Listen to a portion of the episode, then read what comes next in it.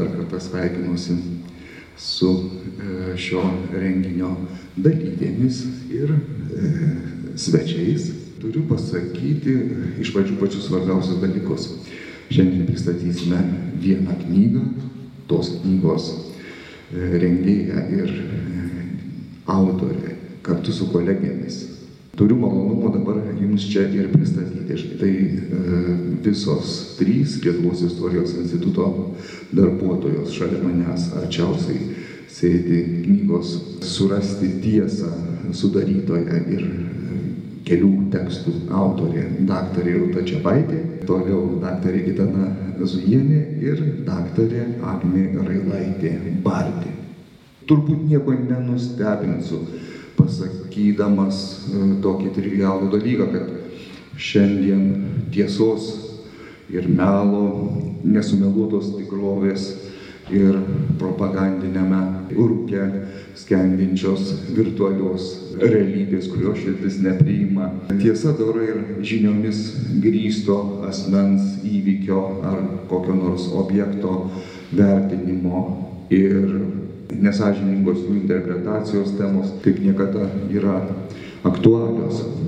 Atskirti jas vienas nuo kitų E, gebame ir mes su jumis, ir e, daugybė kitų žmonių.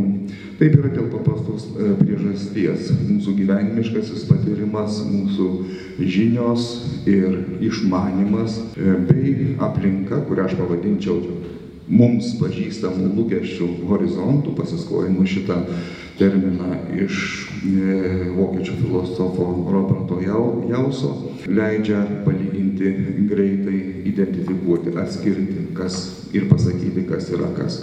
Na, o sudėtingesniais atvejais mums į talką ateina teismo medicinos instituto gausus specialistai. Tie kiti dalykai prasideda, kai mums reikia e, savo žvilgsnį nukreipti į praeitį, įsižiūrėti į istoriją skendinčią tirštose miglose, kurias išsklaidyti reikia ir e, žinojimo, ir išmanimo, ir patyrimo, ir specialių žinių.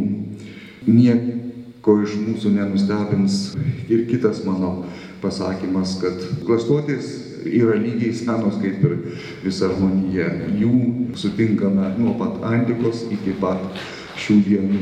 Ir štai čia jau reikia specialisto akies, žinojimo, kad būtų galima pasitelkus tam tikras žinias, tas klastotes atskirti, įvertinti. Ir tam labai padeda specialiai istorijos mokslai, būtent jų pagrindų ir buvo šita e, tema paliesta ir vertinta. Ir klausotės istorijoje vertintos pasirėmus tais instrumentais, kuriuos teikia pagalbiniai istorijos mokslai.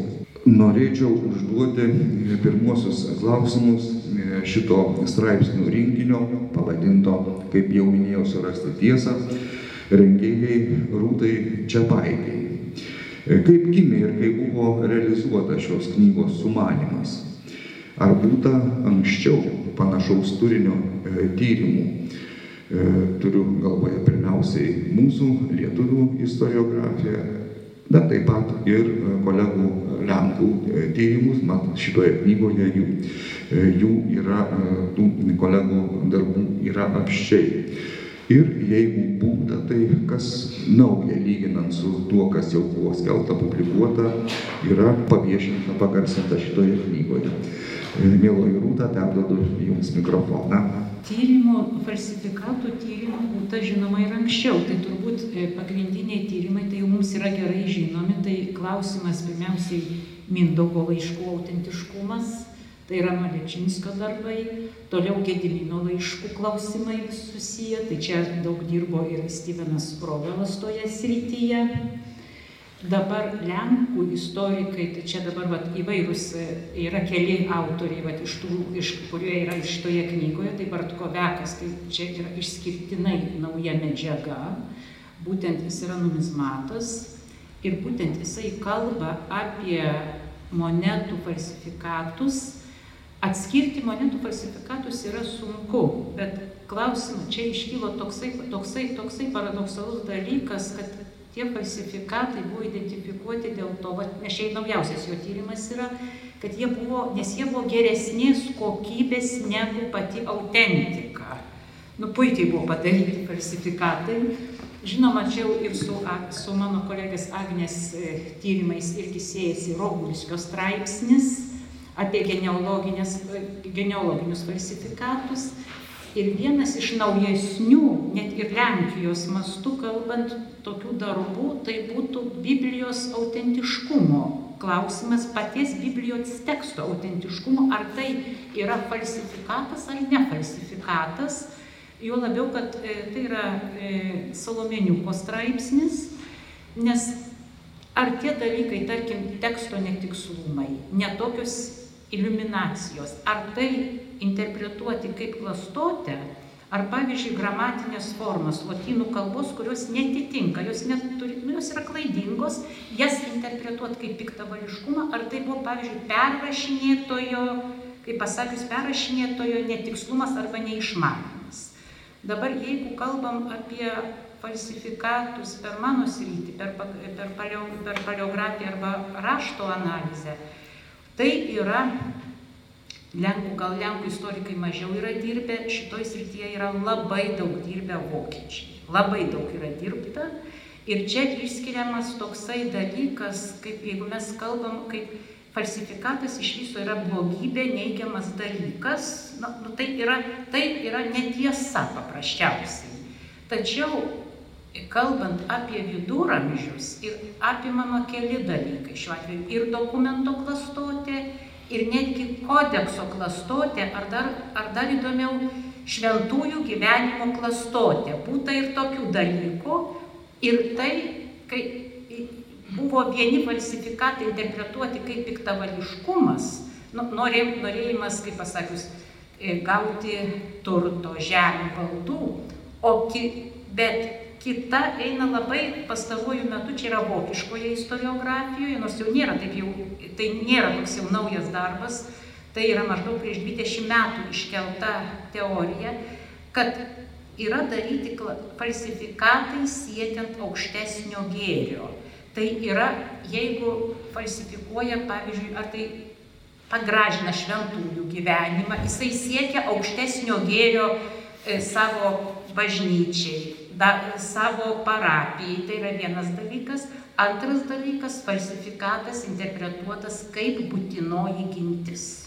Iškia, jeigu mes mus užpuolė ir mes ginamės iš paskutiniųjų, tai dokumentų falsifikatai, aš kalbu apie 12 amžių, 13 pradžią, čia jau vokiškoji istoriografija yra Hainemajo darbai, interpretuota kaip būtinoji gintis. Dėl ko tai buvo interpretuota? Jeigu kalbamės ne apie karinį ordiną, tarkim, cistercų ordinas nebuvo karinis ordinas. Didikai norėdavo užgrobti, nusavinti tas valdas. Ką darė raštingieji vienuolino broliai?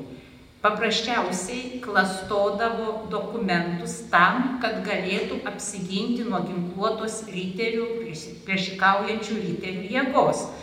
Eina pas kunigaikštį, rodo jūsų aukštybės tėtis mums išdavė šitą dokumentą, dėl to jūs negalite pretenduoti į tas valdas. Tai ir čia šito dalyko, tai nebuvo patys vienuolynai, rabatai, tai ir dabar jau istorikai tai interpretuoja kaip būtina ją ginti, už tai, kad karinės, nu, ginkluota jėga jie negalėjo atsiginti, reiškia, būdami mokyti, jie gynėsi rašytinių dokumentų pagalba.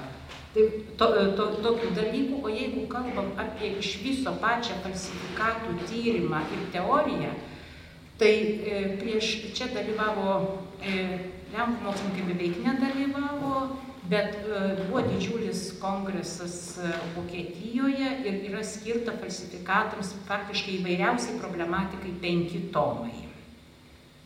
Tai jeigu kalbam apie šituos dalykus, Na, o šiaip visą laiką, net ir dabar aiškinamasi, tarkim, vat, ir vienas iš čia, iš Majelovičius aiškinasi, jau senas dalykas, kad Dlukošas prikurdavo visokių dalykų, tai ir toliau iškyla visokie Dlukošo prikurti dalykai, bet juos aišku vėl reikia verifikuoti ir jau čia yra darbas tai pasakius, su šaltiniai, šaltinių tyrimais, tai šitas dalykas, kad kur tiesa, kur netiesa. Ir labai yra įdomus Gžešiko straipsnis Ryšardo.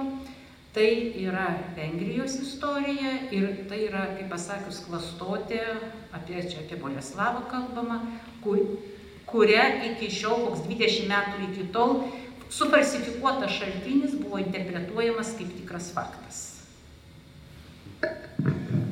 Ačiū e, už išsamų paaiškinimą. E, na, e, mūsų susitikimas ir pokalbis yra svarbus e, dar ir dėl tos priežasties, Rūta, kad turbūt sutiksite, kad mes jo metu galime pasidalinti tam tikromis žiniomis, kurių nėra ir jau nebebus šitoje knygoje. Tai aš drįstu pakartoti tą savo ankstesnį klausimą, kaip atsirado šitą knygą, kokia jos, jos istorija. Įdomu. Istorija labai, labai paprasta ir primityvi šita istorija yra. Man, žinokit, kažkada labai seniai, viešpatė tai prieš 30 metų, man padarė didžiulį įspūdį paleografo Walterio Heinemajojo tyrimas. Aš tada dar rašiau savo disertaciją ir ieškojau literatūros ir būtent į jo buvo labai aiškiai suformuoluota ta mintis, kad falsifikatai kaip gynybinė priemonė ginantis nuo klajojančių ryterių priešikavimo arba kryptingai nuo didikų norėjimo, kaip pasakius, perimti valdas. Ir man tai padarė didelį įspūdį, kaip galima falsifikatą interpretuoti. Tai yra vienas dalykas. O kitas postumis buvo jau mano minėtas tas kongresas, kur išėjo penki tomai įvairiausiai, falsi, įvairiausiai falsifikatų medžiagai skirtų dalykų. Ir aš tada pagalvojau, o ką gali apskritai pagalbiniai istorijos mokslai pasakyti apie falsifikatus. Kadangi institutė yra tokia grupė žmonių, nu, tai mes ir tada ir ėmėm daryti tuos falsifikatus. Nes, nu, o kodėl nepabandžius padaryti, reikia pažiūrėti, kas iš to išeis. Avantūra buvo. Ačiū, šaunita jūsų avantūra, nes jau vainikavo toks puikus leidinys. E, dabar aš jau kalbinsiu e, kitą mūsų E, pokalbininkė, e, daktarė Gitana Zujienė. Šioje knygoje publikavote straipsnį apie 16-17 amžių klastojimo bylas. Kuo šios bylos ypatingos? Gal galite pateikti kokiu nors na, dėmesį jūs, jūsų dėmesį patraukusių atvejų? Prašom, Gitana. Savo pobūdžiu tos bylos kažkuo labai iš, iš kitų kriminalinių bylų tuo metu teismuose neišsiskyrė. Aš dabar skirtingai nei Rūta kalbėsiu būtent apie to klastojimą, ne kaip kažkokią gynybinę priemonę, pakelti prestižą ar, ar dar ką nors, bet klastojimą kaip, kaip kriminalinį nusikaltimą buvo vertinama. Ir jeigu mes imtume 16 amžiaus piliečio LDK gyventojo požiūriu, tai klastojimo nusikaltimą sudarė tam tikri keturi lygmenys. Visų pirma, pažemiausias lygmuo tai buvo nusikaltimas tam tikra žala konkrečiam asmeniui padaryta. Tai suklastojus dokumentą, pasisavintas dvaras, valda, dar kažkas ar atsiskaityta padirbtais pinigais ar panašiais, panašus atvejais. Antras lygmuo buvo, kad toks nusikaltimas buvo vertinamas kaip nusikaltimas prieš visuomenę, nes padarius šitą nusikaltimą yra sutrikdoma tam tikra nusistovėjusi tvarka visuomenėje. E, trečias lygmuo, ypač jeigu būdavo klastojami valdovo dokumentai, valdovo spaudai ir su tiesiogiai su valdovu susiję objektai, tai buvo vertinama kaip nepagarba, pasipriešinimas valdovui ir netgi priskiriama prie valdovo įžeidimo, valdovo išdavystės nusikaltimų. Ir ketvirtas aukščiausias lygmuo šitame nusikaltime buvo e, tiesiog nepagarba, įžeidimas ir netgi paniekinimas, Dievo paniekinimas. Ir būtent šitie keturi lygmenys sudarė tokią situaciją, kad nusikaltimas buvo vertinamas ypač griežtai ir paprastai už tokį nusikaltimą grėsdavo pati aukščiausia bausmė. E, ne tik mirties bausmė, bet kvalifikuota mirties bausmė dažniausiai sudeginama. Ir e, labai dažnai pas mus istoriografijoje dar egzistuoja tas požiūris, kad įstatymai savo keliu, ta bausmė lyg įstatymas ir numatyta, bet teismai praktiškai, nu, įkarpiai ir nebūdavo tos bausmės praktikoje. Tačiau čia, mano manimu, reikėtų daryti labai aišku skirimą tarp teismo nuosprendžių ir e, to nuosprendžio įgyvendinimo nes e, nuosprendžiai tikrai labai dažnai, remiantis konkrečiais statuto straipsniais, ta mirties bausmė būdavo skiriama. E, tuo tarpu kita problema buvo tų nuosprendžių gyvendinimas, bet tai buvo susiję ne tik su bylomis susijomis su klastojimu. Tai buvo apskritai tuo meto teisinės sistemos tam tikri trūkumai, kurie neleido operatyviai įgyvendinti e, skirtų nuosprendžių. Tai nes to meto bausmų sistema rėmėsi nuteisto daugiau tokių geranoriškumu, kad jisai pats ateis tam, kad jam būtų įgyvendinta bausmė. Nu, kasgi pats eis, kad jį sudegintų, sakykime taip. Tai galbūt taip bendrais bruožais apie tą, tą patį bausmę ir tą požiūrį į nusikaltimą. Dabar jeigu konkrečiai kažkas taip patraukė labiau dėmesį, sakykime, galbūt toks nu, byla, apie kurią aš rašau ir straipsnėje, kuri realiai tarsi ir prieštaravo statutui. E, ten buvo susiję su vyskupos žemaitį, ten vyko žemaičių pilies teisme byla ir e, žemaičių kapitulas skundė keletą asmenų, jog jie suklastojo vyskupo skolos kvitą gana dideliai sumai.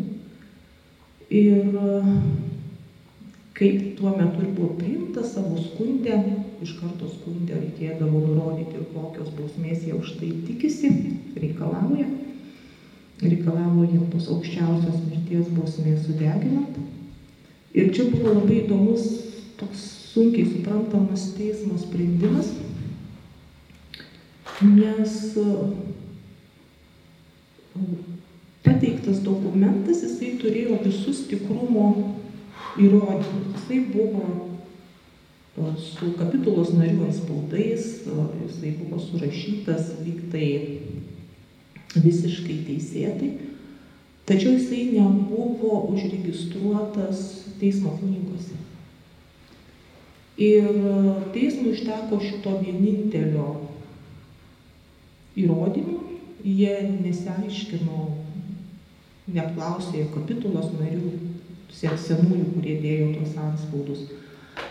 Jie ne, neklausė pasiaiškinimo pateikusių tą suklastotą raštą, nes jie aiškino, kad jie paveldėjo tą, tą kvitą ir apie jo suklastojimą nežinojo. Čia vėlgi pagal statutą, jeigu žmogus įrodo, kad jis tai apie suklastojimą nežinojo, paveldė ir, ir nežinodamas pateikia tą suklastotą dokumentą, jis neturėtų būti baudžiamas. Bet teismas kažkaip į tai neatsižvelgia ir vis dėlto skiria jam tą aukščiausią bausmę. Žinoma, dažniausiai po bausmės skirimo arba viena arba kita pusė apeliuodavo. Tai vėlgi tas, ar tikrai jinai buvo galiausiai įvykdyta, taip ir neaišku, bet tas toks ir teismo savotiškai keistas sprendimas ir galbūt, kad ne viską mes tuose šaltiniuose matom, ne viskas uh, pasiekia mus iš tų laikų, kad, kas ten iš tikrųjų Tai galbūt daugiau tokia. Dėkoju už išsamų atsakymą. Man jūsų klausant atėjo į galvą viena garsi byla iš 16 amžiaus. Galbūt jums ji yra žinoma. Stepono Batoro kampanijų prieš Maskvą metu Vilniuje buvo nuteistas ir mirties bausme nubaustas Grigalius Astakas. Tai vienas iš kaltinimų jam pateiktų buvo kaltinimas pinigų klastojimu, padirbinėjimu. Kaip jūsų specialistės akimi žiūrint atrodytų ta byla? Galėtumėte pakomentuoti? Aš dabar visų smulkmenų neprisimenu konkrečiai, nes ten tas pinigų padirbinėjimo kaltinimas turbūt buvo vienas iš daugelio ir toks gana šalutinis kaltinimas. Tai tiesiog kažko labai konkretaus negalėčiau pasakyti, bet jis ten daugiau buvo. Nuopelnų turėjo, už ką turėjo būti nubaustas. Dėkui. Dabar e, e, noriu pakalbinti trečią pokalbininkę, daktarę Agnę Railaitę Bardę. E, mes netaip seniai su, su jumis susirašėme visai kitų klausimų, ne apie klastotės, o e, tarkime apie tokius įdomius dalykus, kuriuos mes rodome savo skodinos parodoje. Agne, e, naudodamasis progą noriu Jums padėkoti už žavų atsakymą. O manau, kad mums visiems, kurie šiemet minime Skorinos metus, yra įdomu sužinoti, kad Skorina e, savo rusieniškosios Biblijos iliustracijose yra pasitelkęs be visų kitų dalykų taip pat ir heraldikos temą. Ir štai e, mūsų bibliotekoje, Vrublevskių bibliotekoje yra saugoma kaip tik skaičių knyga, kurioje yra sveikame egzemplioriuje, kitame, ne mūsų, yra e, tokia iliustracija, joje yra vaizduojama E, kaip e, Mozės vedami, e, vedamos Izraelio gentis su vėliavomis rankose lydi šventąją skrynę į pažadėtąją žemę. Ir štai bent keturių vadinamų Izraelio genčių vėliavos yra pavaizduoti ne kas kita, o Lietuvos didikų herbai. Matome Ostrogiškių e, herbą, matome Goštautų herbą, matome Radvilų ir Gedraičių herbus. Galbūt ten po tyrimų paaiškėtų, kad yra daug, kažko ir daugiau. Agne, kaip Jums atrodo, ar čia mes susidurėme su klastote, ar su kuo nors kitu? E, jūs e, šitam rinkiniui esate įteikusi savo straipsnį, kuriame panašius dalykus aptarėte, tik kalba eina apie kitas giminės. Prašyčiau jūsų komentarų.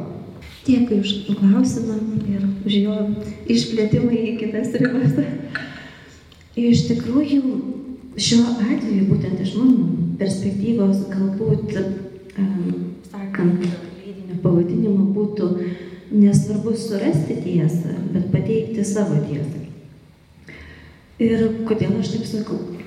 Todėl, kad e, tie vadinami falsifikatai, apie kuriuos aš kalbu kaip mentalinius falsifikatus, mes negalime kalbėti, kad, kaip tarkim, Gitanos atveju padarė žmogus nusikaltimą, buvo nubaustas, galbūt išteisintas.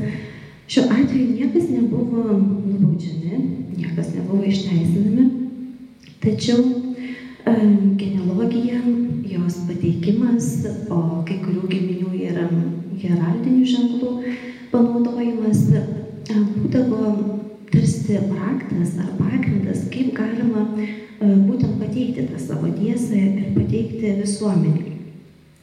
Ir kalbant apie mūsų LDK kilmingųjų giminės, galima teikti, kad jie nebuvo kažkokie labai unikalūs. Tai yra bendraeuropinis pavyzdys, bendraeuropinis mentalitetas, visi norėjo pateikti savo tiesą, kokia jiems būtų naudingesnė. Ir tam labai buvo svarbi kilmė. Ir ne bet kokia kilmė, o labai garbinga. Nesvarbu, kad tarkim, galbūt kažkokia nešlovinga iš krikščioniškų pažiūrų, bet aš visada mėgstu cituoti ir savo studentams sakydavau vieno tyrinėtojo Anthony Dėlėje citatą, kad geriau tarp savo gretų turėti nuožmo tilų vadą, avūnų vadą tilą, o ne nieko nepasižymėjusi krikščionį. Taigi, sekant šitą mintimį, labai daug kas aiškėja. Akcentas būtent į kilmę, į garbingas šaknis Aišku, iš šių dienų perspektyvą žiūrint, mes galime sakyti, vajai, vajai, kaip tie mūsų kilmingieji apsimelavo ir nederamai elgėsi. Bet tai buvo to meto mentalitetas, to meto kultūros apraiškos ir nieko nestebino jokie išgalvoti fikciniai genealoginiai atradimai, kurių iš tikrųjų nebuvo, nebūti kraujo ryšiai, galbūt labai tolimi kraujo ryšiai. Ir gal galima tik tai paminėti tokį ganėtinai svarbų dalyką, kad tos legendinės fikcijos labiau atsispindėdavo būtent genealoginiuose medžiuose, schemose, proginiuose leidiniuose, kurių neretai nemažą dalį užimdavo giminės genealoginis pašlovinimas, giminės narių išaukštinimas. Tačiau tos legendos, nors jos buvo visuomenės apyvartoje, jeigu taip galima pasakyti, ir visiems būdavo priimtinos, tačiau heraldikoje jos atsispindėdavo žymiai, žymiai rečiau. Ir čia mes turime, galima sakyti, kelių giminių atvejų, kuriuos ypatingai pabrėždavo tą savo legendinę kilmę. Ir galima būtų išskirti be abejo mūsų magnato giminės, kaip Sapiegos, Radvilos, taip pat ir kitos giminės. Tačiau šiuo atveju gal irgi net ne visai būsiu tiksliai sakydama, kad reikia kalbėti apie giminės. Greičiau reikia kalbėti apie konkrečius giminės atstovus. Nes, žinoma, vyraujanti giminės savimonėje, tačiau neretai kažkuris giminės atstovas būdavo kaip tik tos fikcijos pradininkas ir būtent jis tapdavo atskaitos tašku, kuomet ta legendinė fikcija įsigalėdavo ir būdavo pateikiama kaip nekvestionuojama tiesa. Ir tai galima, aišku, dabar iš laiko perspektyvos hipotetiškai svarstyti, kodėl tai būdavo. Gal tai na, visuomenės kažkoks tai spaudimas turiuomenį kultūrinių realijų vyraujančių gyvavimas toje visuomenėje, kurioje veikia kilmingasis, galbūt naudos siekimas siekiant aukštesnės pozicijos visuomenėje. Genealoginė, šlovinga genealoginė istorija tikrai asmenį būdavo labai labai didelis pliusas siekiant aukštesnių pozicijų. Be abejo, galbūt tai yra ir asmeninės konkretaus kilmingojo aspiracijos. Tad galime tiesiog išskirti tuos individualius mikroistorijos atvejus ir kas įdomu pažymėti, būtent hierarchikoje, kuomet tos legendos atsispindi, tai tokius atvejus daugiausia pastebėme 18 amžiuje. Galbūt viena vertus tai keista, nes jau ir nuo 16 amžiaus galime žinoti nemažai tų legendų, bet būtent 18 amžiuje labiausiai atsispindi heraldikoje. Ir heraldika, būdama viena iš universaliausių kalbų, ne tik Lietuvos didžiojo kunigaikštystėje, bet ir visoje Europoje, ji galėdavo labai daug ką atskleisti. Atrodo paprastas ženklas, bet jisai neždavo savyje labai gilias prasmes ir reikšmes. Tad ir jūsų minėtų uh, skolinos atveju labai be abejo uh, Lietuvos giminės naudodavosi kiekvieną progą įnešti savo indėlį ir pateikti tarsi save kitame amplua. Ir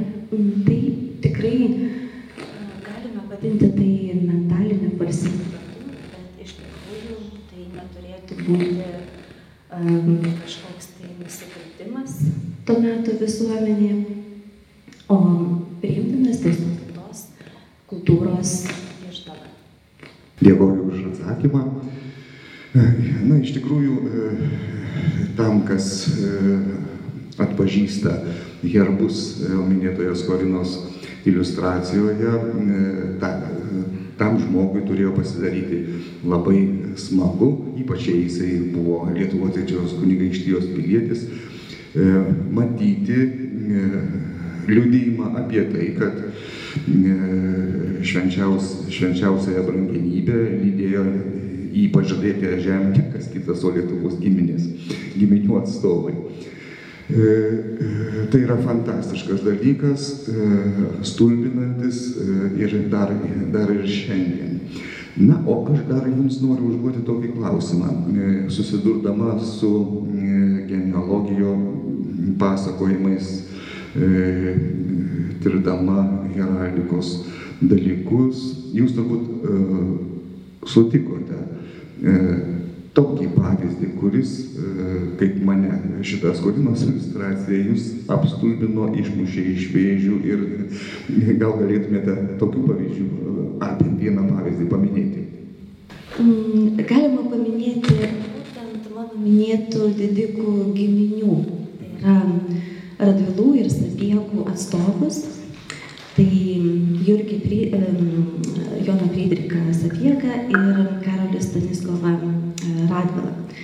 E, kuo jų heraldika mane sužavėjo, e, aišku, galbūt iš tos tokios griežtos heraldinės tradicijos turėčiau būti kaip tik nusivylusi, nes jie visiškai nesilaikė tuo metu egzistavusių tokių, galima sakyti, nerašytų taisyklių, bet mane sužavėjo tuo, jog jie į vieną herbą E, sudėjo netgi visus su romėniškai lietuvių kilmės teorija susijusius herbus.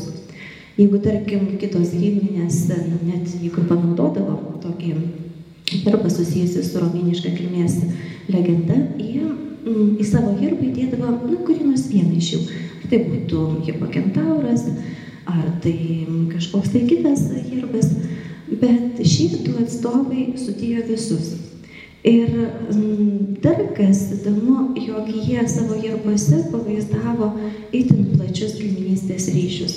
Jeigu mes apie kitus Lietuvos didžiosios kunigaikštystės kilminguosius galime sakyti, kad jie dažniausiai naudojo keturlaukius arba penkilaukius herbus, tai šių dviejų atstovų mes kalbame apie keliolika ir netgi dar daugiau herbų. Ypatingai Sapiegos anspaude, tarp kitko jūsų bibliotekoje saugomame rankraštyje, yra netgi trys skydai, kas irgi jau yra tikra retenybė, nes, na, jeigu jau vaizduoja daug, tai jau daugiausia du skydus vaizduoja, kurie dar yra padalinti į atskirus laukus, o Sapiega panaudojo tris skydus. Ir jie buvo dar suskirstyti į Kiekvienas skydas į dar septynis laukus. Tai kiek mes jau turime 21 herbą. Ir dar viena ypatybė, kad sapiega panaudojo e, senesnės formos skydus. Tai yra labiau primenančius e, tačias tonyruose riterių naudotus skydus, pro kuriuos būdavo paprasta prakišti jėti, toks žaidimas skydo šonė būdavo.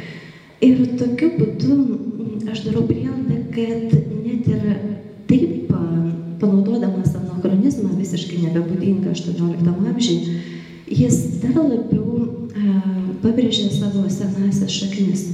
Ne tik, kad naudojo su romėniška kilmės legenda susijusius herbus, ne tik, kad atskleidė labai plačius kaimynystės ryšius, tikrai ne pačius artimiausius, bet ir dar tokiomis priemonėmis kaip heraldinis anachronizmas, jis dar labiau pabrėžia tą savo seną kilmę. Tai tokie mano tikrai patyrimai. Dėkui. E, štai ir pakalbinau visas tris e, šios e, knygos straipsnių rinkinio autorės. Auditorijoje galbūt kilo kokių klausimų, kuriuos norėtumėte užduoti mano kalbintoms istorikėms. Jeigu turėtumėte, tai dabar būtų pats laikas juos užduoti. Prašom. Labai malonu. Labai noriu pasveikinti gerbimą Rūtą teko kartu studijuoti ir dėja, mano pavardė buvo sufalsifikuota, rūta, žinokit, jūs mane pažinojot kaip kontautą, o iš tikrųjų aš pasirodo gimiau kaip Antanas Daračius, paskui buvau neteisėtai sūnytas, va ir dabar susigražinau savo senąją pavardę. E, na tai... Klausimas, ar čia klastoti. Nu, jo, jo, čia gal neklastoti, paprasčiausiai kai kas pasistengė, kad kontautai neturėjo vaikų, o vis dėlto reiškia mano prosenelė buvo kontautaitė. Nu tai kažkiek tai reiškia ten kontautų kraujo aš turiu. Tai ne. Gal tėti jūs kontautas, tada prosenelė kontautaitė.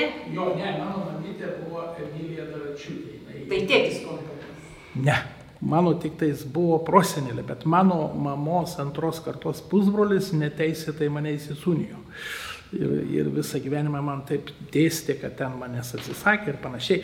Nu, mes galėsim gal po paskaitos, jeigu bus įdomu pakalbėti, bet štai ką aš noriu iškelt, reiškia, kadangi čia gerbimas daktaris, tai aš dabar duosiu gal temą naujai knygai gal bus irgi įdomu, reiškia, ką aš tyrinėjau. Man buvo labai įdomu, žinoma, kaip žemaičiui ta žemaičių kalba, kodėl jinai nepaprastai arhaiška, kai apie tai kalbėjo dar Ojame ir Benedikcinas XIX amžiuje, Danų poliglotas, etnografas Kopenhagos universiteto.